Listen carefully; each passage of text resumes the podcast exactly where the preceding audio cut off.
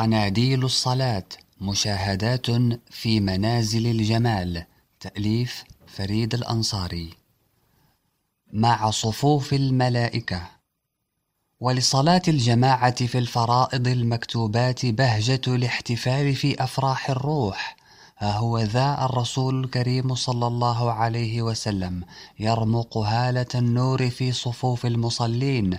فينتبه إلى ما قد يعتريها من اضطراب. ثم يستفهم منبها ألا تصفون كما تصف الملائكة عند ربها؟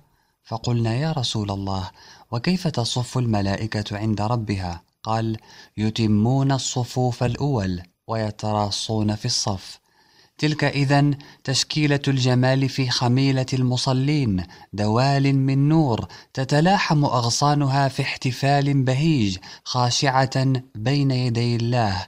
فلصلاة الجماعة في الإسلام عبر الصلوات الخمس كمال التوافق وجمال التناسق في قوافل السائرين إلى الملك العظيم. فما زالت قناديلها تتوهج بين جوانح المحبين أضعافا مضاعفة. ذلك أن صلاة الجماعة تفضل صلاة الفذ بسبع وعشرين درجة وفي ومضة نبوية أخرى صلاة الرجل في الجماعة تضعف على صلاته في بيته وفي سوقه خمسا وعشرين ضعفا. ذلك ميزان المقامات العلى في الفرائض خاصة ولا أحب إلى الله من التقرب إليه بها وإنما كمال التقرب بها أن تدخل منازلها في بهجة الاحتفال الجماعي. فمدي غصونك يا أشجار الحدائق الندية وانسجي بها خمائل المحبة يمينا وشمالا لرص صفوف الخشوع بين يدي الرحمن. فهذه لحظة استقبال القلوب ذات الخفقة الواحدة. إذ تنتظم للدخول عند الملك الكريم صفا منضبطة بأدب النبوة إشارات وحركات تتابع عليها الإمام تنظيما لخفقات الجوانح وأشواقها. فيا أحباب الرحمن إنما جعل الإمام ليؤتم به فلا تختلفوا عليه فإذا ركع فاركعوا. وإذا قال سمع الله لمن حمده فقولوا ربنا لك الحمد وإذا سجد فاسجدوا وإذا صلى جالسا فصلوا جلوسا أجمعون وأقيموا الصف في الصلاة فإن إقامة الصف من حسن الصلاة وللملائكة موافقة للإمام حمدا وتأمينا. فوافقوها فإنه من وافق قوله قول الملائكة غفر له ما تقدم من ذنبه. يا لجمال الموافقات بين صفوف الأرض وصفوف السماء أي تناسق بديع هذا بين أغصان الأشباح وأغصان الأرواح؟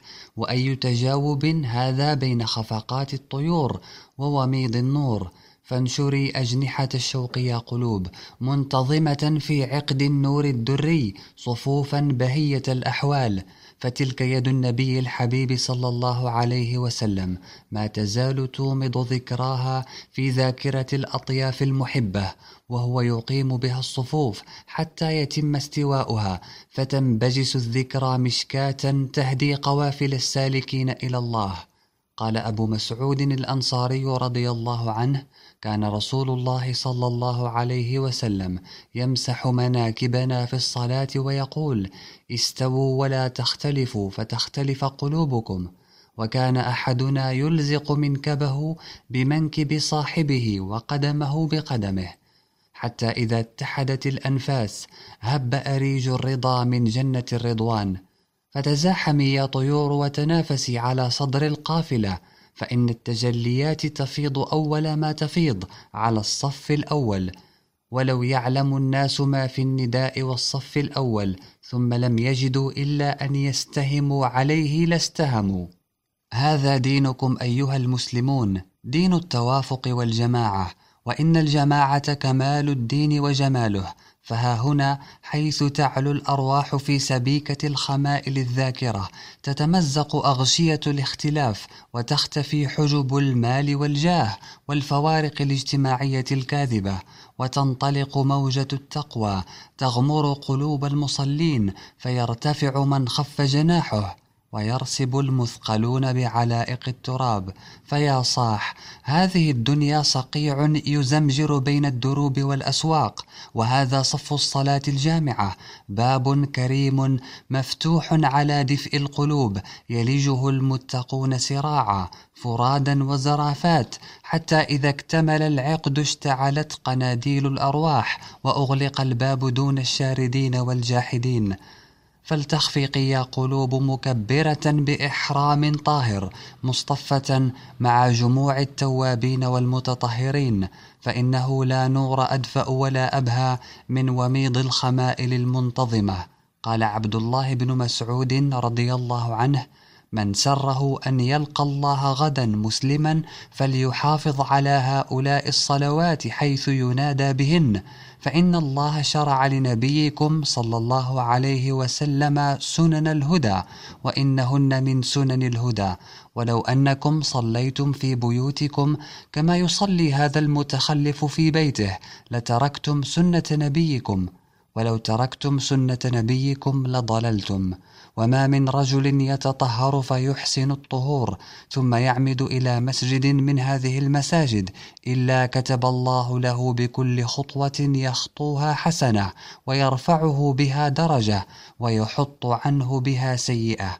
ولقد رأيتنا وما يتخلف عنها إلا منافق معلوم النفاق. ولقد كان الرجل يؤتى به يهادى بين الرجلين حتى يقام في الصف. تلك شعيرة لا يجوز أن تتخلف في المجتمع الإسلامي بتاتا فهي صمام أمانه وضمان وئامه وحزام سلامه. وهي حصنه المنيع وشعاره العالي الرفيع بها تتماسك جذوره وتقوى جذوعه وتخضر خمائله وأغصانه. فيا طير أرسل جناحك ضاربا إلى منازل النور واشهد الصلاة في موكب السالكين صفا.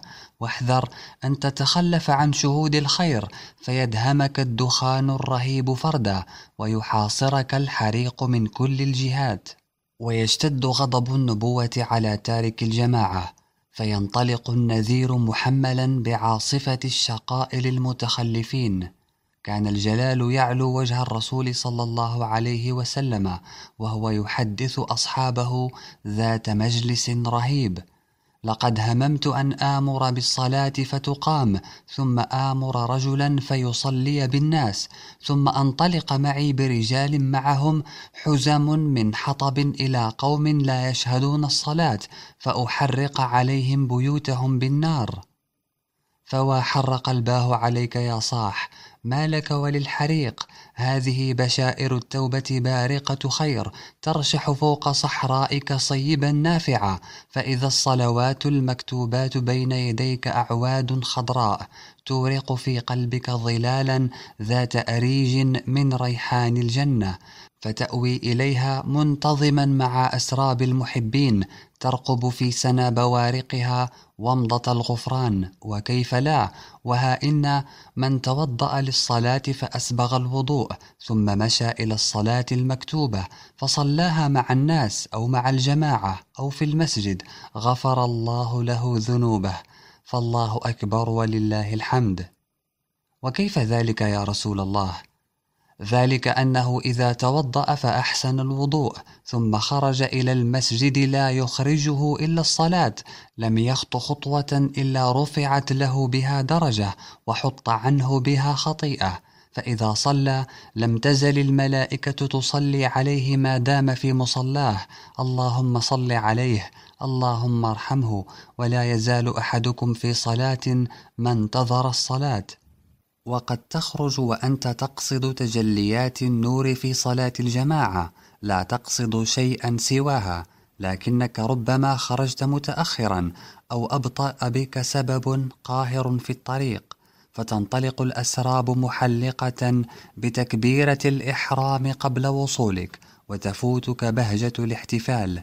حتى إذا وصلت المسجد وجدت شعاعات التجلي قد انقطعت بالسلام وتلسعك الحسرة على ما فات ثم تتجه حزين القلب نحو سارية من سوار المسجد تدق باب الرحمن فردا فإذا بمعراج التجلي ينفتح على مصراعيه لك خاصة ويبرق لك نور الرضا مرحبا. يفيض عليك من جمال السابقين لك بنور الجماعة كاملا لا ينقصك من بهائهم شيئا.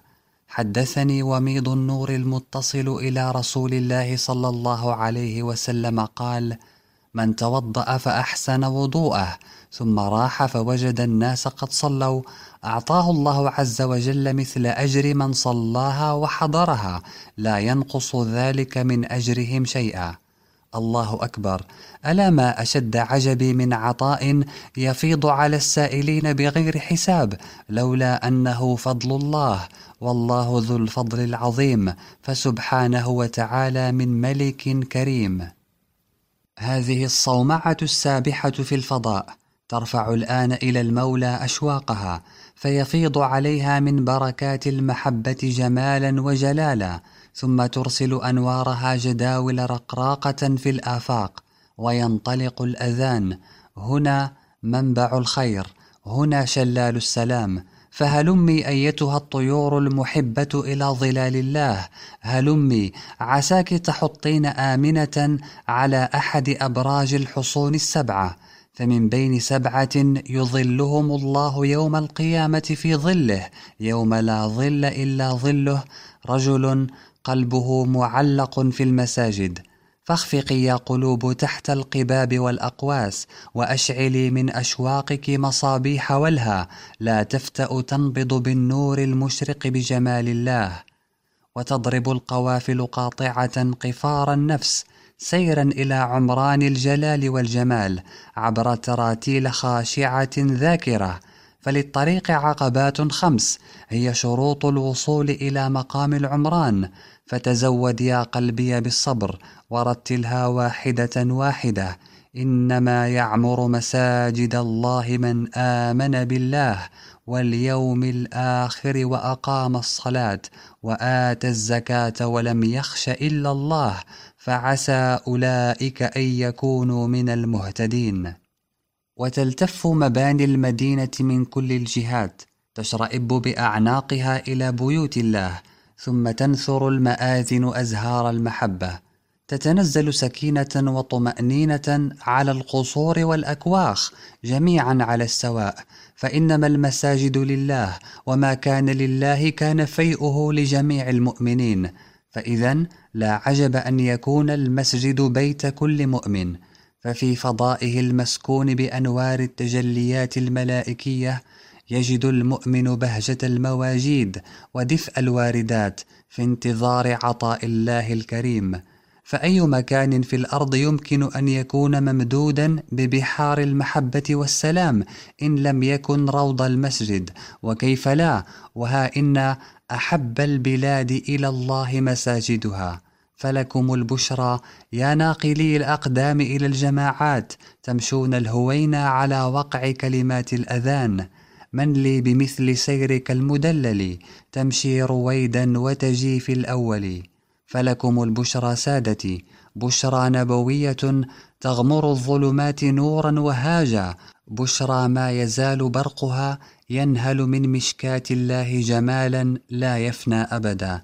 فيا صاحي هذا داعي الخير قد انطلق نداء يغمر المعمور بأريج مبارك فأقبل ولا تتردد إن المآذن الساعة قد تفتحت أزاهيرها عبقا مسقيا بأريج الجنة. وللأذان صدى من بشائر النبوة ما زالت تدعو وتدعو أن بشر المشائين في الظلم إلى المساجد بالنور التام يوم القيامة. وتجعل لك بكل خطوة تخطوها تجاه المسجد درجة ترفعك في منازل الروح. فإلى عمران القلب بنور الله يا صاح إلى بيوت الله استسقاء لرحمة الله واستدرارا لفضله العظيم. فادخل في صفوف الفقراء وكبر مع الإمام للصلاة تكن من أهل الله.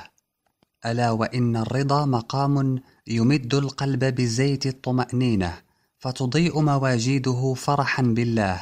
فيا أيها العبد الملحاح أرسل الجناح وتعبد لربك بالغدو والرواح سيرا مع المصلين إلى قباب الجنة. فلك منها ما تشاء حدائق وأنهارا تمتد ما بين منازل الصديقين والصالحين وإنما هي عراجين غرست في الدنيا بنقل الخطوات إلى بساتين الجماعات.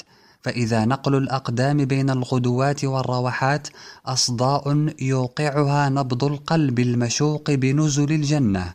وإذا بالمحبوب يحقق وعده ويكرم عبده ذلك أن من غدا إلى المسجد أو راح أعد الله له في الجنة نزلا كلما غدا أو راح وأيما رجل راح إلى المسجد فهو ضامن على الله حتى يتوفاه فيدخله الجنة أو يرده بما نال من أجر وغنيمة.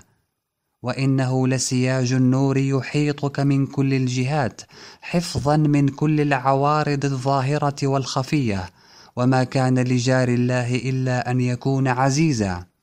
فيا أيها العبد الشارد في متاهات الدخان أي عذر بعد هذا يمنعك من شهود تجليات الأذان ويحصرك أن تحضر مع الطير المصطفة بباب الرحمن.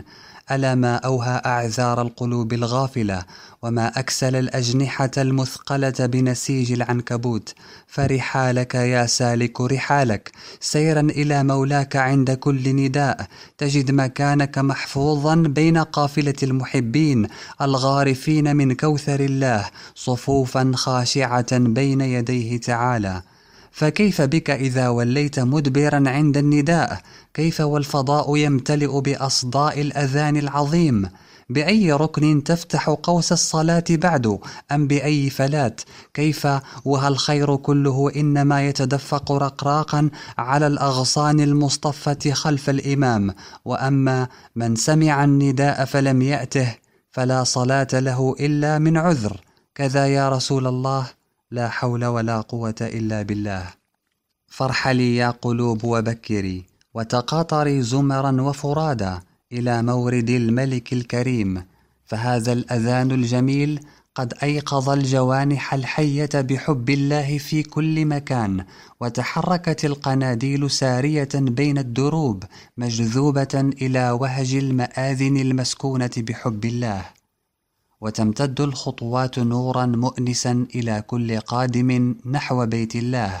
فإذا المشي إلى الله جمال عجيب يمد القلوب ببركات خاصة تطلب لذاتها علاوة على غايتها في طريق السعي إلى فضاءات المساجد.